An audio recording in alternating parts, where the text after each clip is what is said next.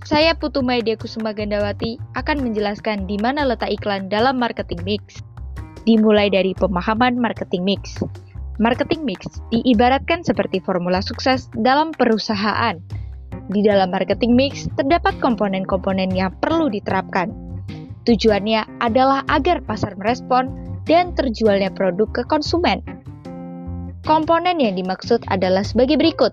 Sebut saja 4P.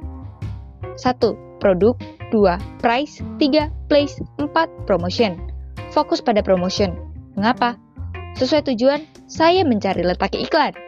Pada akar promotion terletak advertising atau iklan. Detailnya, akar promotion terbagi menjadi empat buah.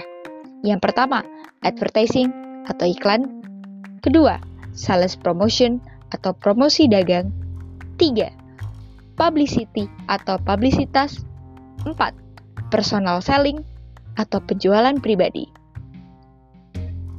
Advertising atau iklan merupakan bagian penting dalam fungsi pemasaran karena tidak hanya menyampaikan sekedar informasi, tetapi ada fungsi lainnya, seperti fungsi komunikasi, fungsi pemasaran, fungsi pendidikan, fungsi ekonomi, dan fungsi sosial.